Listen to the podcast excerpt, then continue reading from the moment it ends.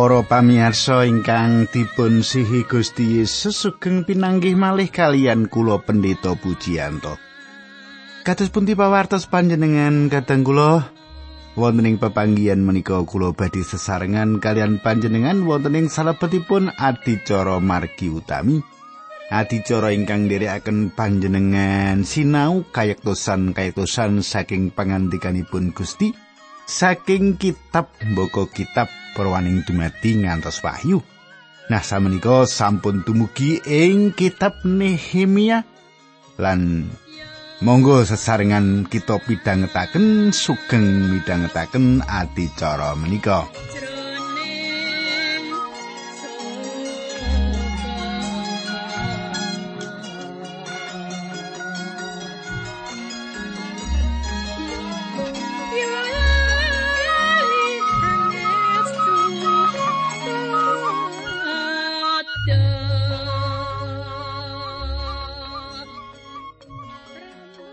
Para pamirsa ingkang kula tresnani, tentunipun panjenengan tasih kemutan menapa ingkang kita rembak duk pepanggian kepengker. Nalika semanten kita sampun nyemak wontenipun dumduman pendamelan kangge mbangun malih tembok Yerusalem. Nah, salajengipun kados pundi kadang kula sadèrèngipun kita lajengaken Sae menawi kita ndedonga rumiyin nanging salam kula rumiyin dumateng Ibu Margareta nggih. Dumateng Ibu Margareta, monggo kita tumungkul kita ndedonga sesarengan. Duh Kanjeng Rama ingkang ada dampar wonten kraton ing kasuwargan kawula ngaturaken gunging panuwun. Dene wekdal menika kawula saged tetunggilan lan saged sesarengan kalian sedherek kawula pamirsa lan kawula badhe naliti pangandikan patuko supados menika saged dados kandeling iman kapitadosan kawula. Dinambaran asmanipun Gusti kawula Yesus Kristus kawula ndedonga haleluya amin.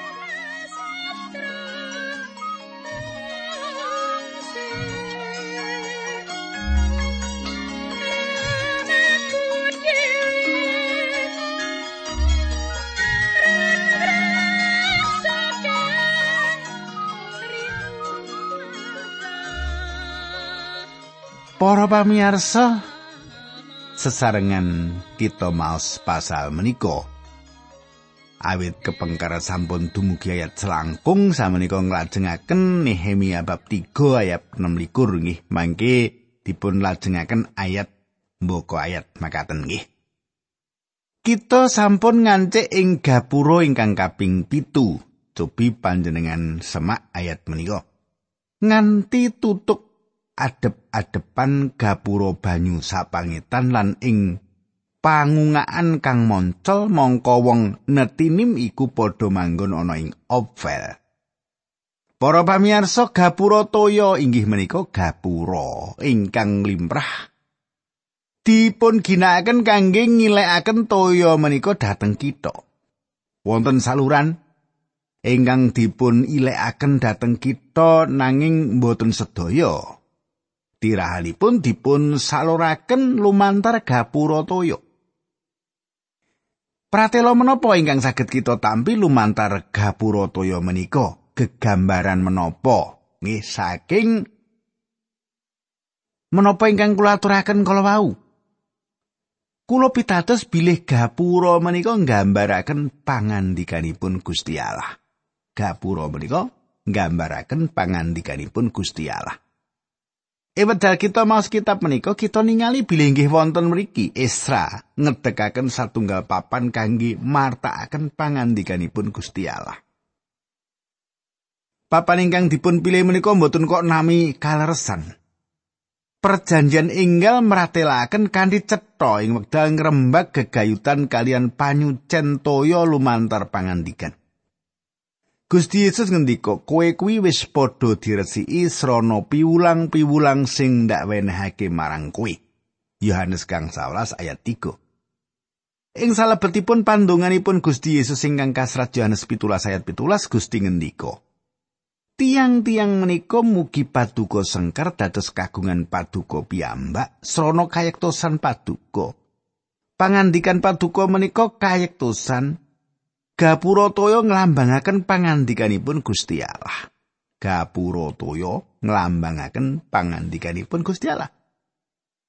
Kita dipun sucikaken dening toya pangandikan lumantar gapura menika kita mbudidaya nggelaraken pangandikan. Kita kedah dados tiyang ingkang nyawisaken toya lan mitulungi betahaken toya, mitulungi tiyang ingkang betahaken toya menika dumateng tiang-tiang ingkang sawek kasatan utawi saged ngelak. Kita kedah betakaken toya menika dumateng tiang-tiang ingkang sawek kasatan lan ngelak. Priyantun ingkang nyerat Mazmur ngaturaken pitakenan. Kados pundi caranipun tiang nem-neman saged gesang kalian jujur kajawi namung manawi netepi pangandikan paduka. Mazmur 119 ayat 9. Para pamirsa ingkang ngagetaken inggih menika gapura toya menika mboten dipun dandosi. Ingkang gumunaken inggih menika sedaya gapura sanes lan tembok kita jugruk nanging gapura toya menika mboten derek jugruk. Kawontenan ingkang kados makaten menika saestu ngidapi-dapi para pamirsa. Lelampahan ingkang kados makaten menika menapa wonten ingkang badhe dipun pratelakaken gambaraken menapa menika para pamirsa.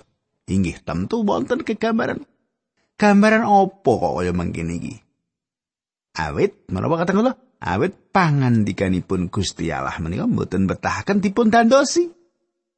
Pangandikanipun Gusti Allah menika ora perlu didandani. Pangandikane Gusti Allah iku wis sempurna makaten nggih. Pangandikane Gusti Allah kok didandani lho piye? Gila. Ora wis sempurna nggih.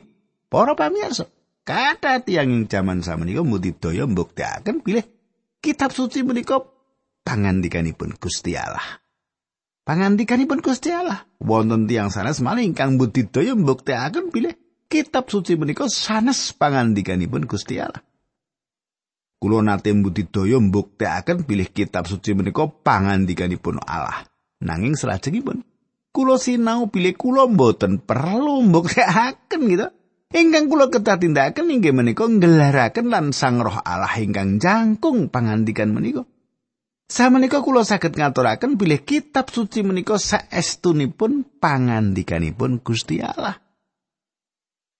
Inggih awet saking keyakinan menika kitab suci menika mboten perlu dipun sekuyung, dipun sengkuyung saking kula ingkang ringkih. Kitab suci menika saged njagi badanipun piyambak menika sami kalian ngrimat singa ing kandang wingking griya panjenengan. Panjenengan boten betahaken tukang jagi supados jagi saking gangguanipun kucing-kucing tangga panjenengan. Singa menika badhe jagi batanipun piyambak lan ugi saged ngadepi kucing-kucing menika piyambakan. Pangandikanipun Gusti Allah menika kados makaten menika ing wekdal menika. Pangandikanipun Allah menika kedah dipun gelaraken. Kitab suci mboten betahaken dipun dandosi ingkang cetha. mboten betah dandosan saking kula ingkang ringkih. Menapa ingkang dipun dawuhaken Gusti Allah dumateng kula inggih menika supados kula nggelaraken pangandikan menika. Nah, kula lajengaken ayat 12. Wiwiting gapura jaran sak pendhuwur kang padha mbangun iku para imam siji-sijine ana ing ngarepe omahe dhewe. Para pamirsa. Jaran inggih menika kewan kangge titian prajurit. Sakarias tunggayat bolu meratelaken gegayutan tiang jaler ingkang nitih jaran abrit. Ing wingkinganipun wonten jaran-jaran abrit delemok-delemok lan warnanipun putih.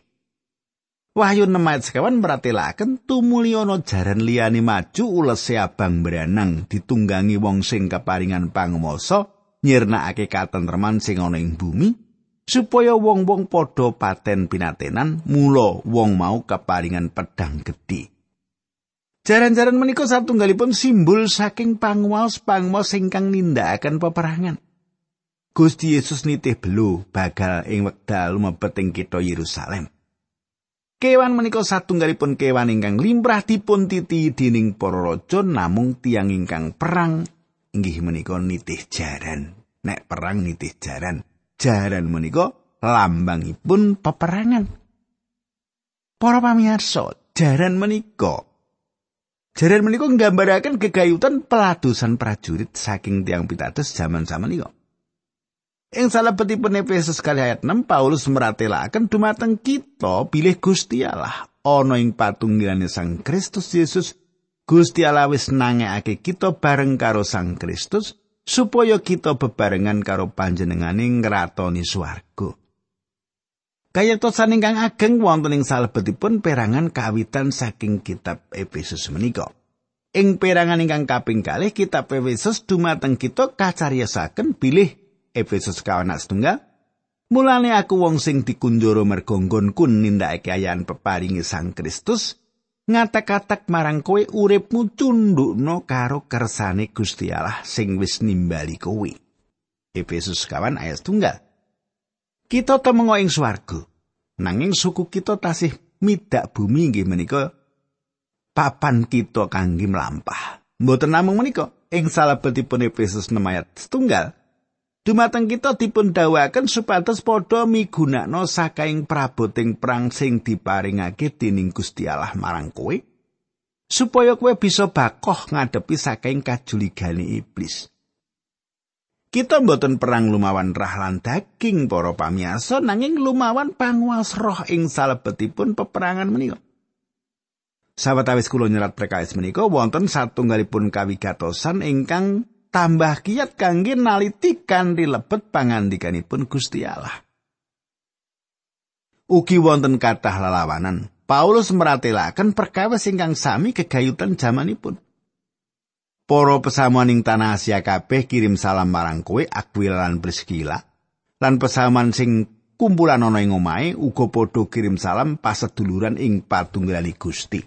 Panjenengan saged nyemak setunggal Korintus 16 ayat 19. Para pamirsa, kula mboten ngrumaosi bilih wonten tiang-tiang ingkang dados mengsah kula ngantos kula wiwit martakaken pangandikanipun Gusti Allah. sangat gumenaken panjenengan saged dipun serang dening tiang-tiang ingkang kedahipun nyengkuyung pangandikanipun Gusti Allah. Tiang-tiang menika ngaken dados tiang Kristen. Panjenengan ugi gadah anggapan kados makaten. Menawi tiang-tiang menika mboten gadah perkawis ingkang sae ingkang perlu dipun lantaraken, tiang-tiang menika mboten badhe sanjang menapa-menapa. Tiang-tiang menika kathah pamaido dumateng pelatusan dumateng anggenipun kula mucalaken kitab suci kula, gitu. awet kathahipun mengsah pramila ketangginaken sedaya praboting perangipun Gusti Allah. Lan kita dipun dawuhi supados nyepengi pedang roh, pedang roh inggih menika pangandikanipun Gusti Allah. Inggih menika gaman ingkang kita ginakaken. Wonten ing kalih Timotius kalih ayat 3 Paulus meratelaken dumateng juru khotbah ingkang tasenem. Padha melu nandang sengsara dadi prajurit Sang Kristus Yesus. Ayat menika meratelaken satunggalipun kasunyatan bilih dados jejeripun tiang pitados kita badhe ngadepi peperangan. Menawi panjenengan boten sawek perang ing wekdal menika cetha panjenengan boten sawek wonten ing pihakipun Gusti awit peperangan menika tambah panas ing pundi-pundi papan. Menawi panjenengan mihak dumateng Gusti pramila wonten kemawon tiyang ingkang budidaya nibakaken panjenengan. kathah putranipun Gusti Allah ingkang ngadepi peperangan ingkang nyoto ing wekdal samenika ing papan kita gesang samenika. Samenika ayat 29. Sawuse iku kang bangun Sadok bin Imer ana ing ngarepe omahe. Lan sawuse iku kang bangun Semakiah bin Sekanyah juru jaga Gapura Wetan. Kadang kula. Gapura salajengipun inggih menika Gapura Wetan. satunggal papal ingkang ngisi pengajeng-ajeng lan kahanan ingkang sukorno. Gapura menika papanipun wonten ing sisih wetan kitha Yerusalem. Gapura menika satunggalipun gapura ingkang kawitan pindah. Dipun bikak ing wanci enjang wonten ingkang gadah pemanggih bilih gapura menika satunggal gapura ing pundi Gusti Yesus rawuh malih ing bumi menika. Saketuki kados makaten. Nanging kitab suci mboten meratelaken kados makaten menika. Kitab suci meratelaken bilih panjenenganipun badhe mlebet lumantar gapura mas ingkang mapanipun mboten wonten ing tembok kita nanging ing salebetipun pedalaman Allah. Sinaosa gapura wetan menika sampun dipun tutup, nanging ing jaman semanten gapura wetan dipun bikak saben injang awit gapura menika adep-adepan kalian ing pundi srengenge mlethek. Bang-bang wetan. Nggih, para pamirsa. Kita minangka jejeripun tiang pitados kedahipun nglempak ing gapura sisih wetan, awit napa? Awit ing mriku wonten sunar bang-bang wetan sang Surya saged ugi badhe sumunar sekedapane. Nanging saderengipun sang Surya ngatingal, lintang pajar lan lintang injang ingkang badhe ketingal. Cobi panjenengan sama setunggal Tesalonika sekawan 16 lan pitulas. Awit semangsa ana tengara yaiku semangsa malaikat penggedhi nguwuh-wuh sarta kala sangkaning Allah kaunekake. Ing kono Gusti piyambak bakal tumedhak saka ing swarga lan wong-wong kang ngajal ning Sang Kristus bakal padha tangi dhisik. Sawise mengkono kita kang ngisih urip kang ngisih kari bakal padha kapulung. Bareng karo kang mentas tangi mau ana ing mega metokake Gusti menyang ing awang-awang mengkono sak banjure kita bakal nunggal kalawan Gusti ing selawase. Panjenengan tentunipun apal ayat menawi. Lelampahan menika kita wastani kapulungipun tiang pitat Kristus. Pratelo badhe kapulung menika saking basa Yunani pun hap harpaso. Lan tembung sanesipun inggih menika kapulung menika. Ing wekdal wonten tiang sanjang pilih kitab suci mboten mucalaken perkawis kapulung menika. Tiang-tiang kala wau dedebatan bab menapa liripun tembung menika. Kitab suci meratelaken bilih Gusti Yesus badhe mulung kagunganipun saking jagat menika saderengipun sang surya katingal. Lan wonten titik cahya ing dinten menika kula mboten mangertos minjang menapa wekdalipun anggenipun Gusti mulung umat kagunganipun menika. Emanipun wonten tiang-tiang iwedal menika sanjang bilih Gusti badhe rawuh mboten dangu malih utawi wantun nyebataken tanggal wulan lan taunipun. Kulo kepengin mangertos saking pundi tiang-tiang menika mangertos pikiran menika. Kitab suci meratelaken dumateng kita bilih Gusti kita badhe rawuh lan kula pitados bilih lelampan ingkang salajengipun inggih menika kapulungipun pesamuan. Kita kedang lempak ing gapura sisih wetan ing dinten menika ing wekdal dinten tasih peteng saestu nglipur mangertos bilih wonten sunar cahya lan kita gadah satunggal pengajeng-ajeng. Para pamirsa kita lajengaken Nehemia 3 ayat 3 doso. Ing sandingi kang bangun saduman meneh ananya bin Selem ya lan Hanun anake Salap kang kanem. Ing sandingi kang bangun Mesolam bin Berek ya ana ing ngarepe kamari. Para pamirsa, ayat menika perlu dados kawigatosan inggih menika ing perkawis menapa ingkang dipun tindakaken tiang-tiang ingkang naminipun mesolam menika inggih menika kanthi ndandosi pas sing ngajengipun kamar ing papan manggenipun. Saged ugi panjenengan boten badhe kuwowo ngaturaken paseksi dumateng jagat. Panjenengan boten badhe saged nggayuh tangga panjenengan nanging panjenengan saged nggayuh keluarga panjenengan. Panjenengan saged ngelaraken pangandikanipun Gusti Allah dumateng keluarga panjenengan. Satunggalipun perkawis ingkang endah gadah keluarga ingkang sampun wilujeng. Lan dados tanggal jawab panjenengan nglantaraken pangandikanipun Gusti Allah dumateng tiang-tiang menika. Seneng nek keluargane wis percaya, gitu, kepenak jak rembugan. Wonten tiyang ingkang sanjang dumateng kula gegayutan keluarganipun, aku rasa aku kudune nginjili wong iku. Kali mengkono wong-wong mau nampani keselamatan, kula mboten sarujuk. Tugasipun nggih menika adamel tiang-tiang kalau wau mirengaken Injil. Selajengipun putusanipun wonten ing antawasipun tiang-tiang menika piyambalan Gusti. Mesulam namung ndandosi perangan ingkang wonten ing ngajeng kamaripun. Cedharipun inggih kados makaten menika ingkang dipun ajeng-ajeng Gusti Allah supados dipun tindakan lan Gusti nyerat menapa ingkang dipun tindakaken. Sing penting iku nggelarake pangandikane Gusti Allah. Percaya lan ora ya terserah wongi. gitu. Nah, ayat tigang dosa setunggal. Ing sandinge iku kang bangun Melkia sawijining kemasan nganti tutuk ing omahe para abdi ing pedalemane Gusti Allah lan para sudagar ing ngarepe gapura pendaftaran lan tutuk ing kamar panggungan ing pojok. Para pamirsa menapa gapura pendaftaran menika? Tembung Yunani pun mikkat, mikkat. Ingkang dipun ginakaken ing mriki ateges mriksa utawi daftar. Ing wekdal tiyang monco ngelebeti Yerusalem, mlebet Yerusalem, tiang menika kedah mandek ing gapura lan daftar. Gapura pendaftaran menika ugi satunggalipun gerbang kangge mriksa. gapura pendaftaran menika ugi satunggalipun gapura kangge mriksa. Ing wekdal prajurit rampung perang lan wangsul para prajurit menika nglangkungi gapura menika. Ing mriki Daud mriksa para prajuritipun ing wekdal wangsul saking peperangan kados menapa ageng katresnan Daud dumateng para prajuritipun. Lan kados menapa ageng katresnanipun para prajurit dumateng Daud. Kathah-kathah para prajurit menika rila ngurbanaken nyawanipun kangge Daud.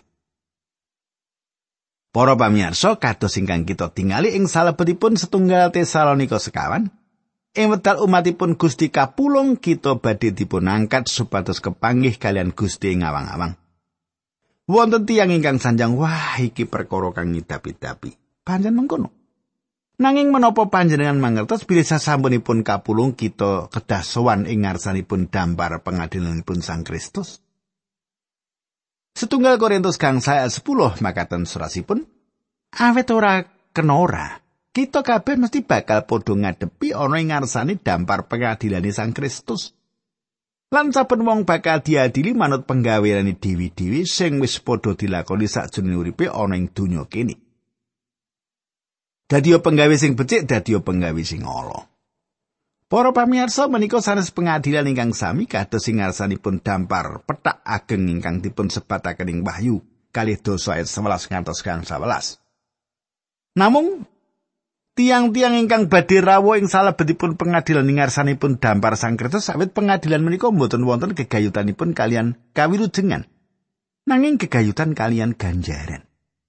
Tiang-tiang pitados badhe nampi ganjaran atas menapa ingkang dipun tindakaken panjenengan boten badhe wonten ing mriku menawi panjenengan boten wilujeng.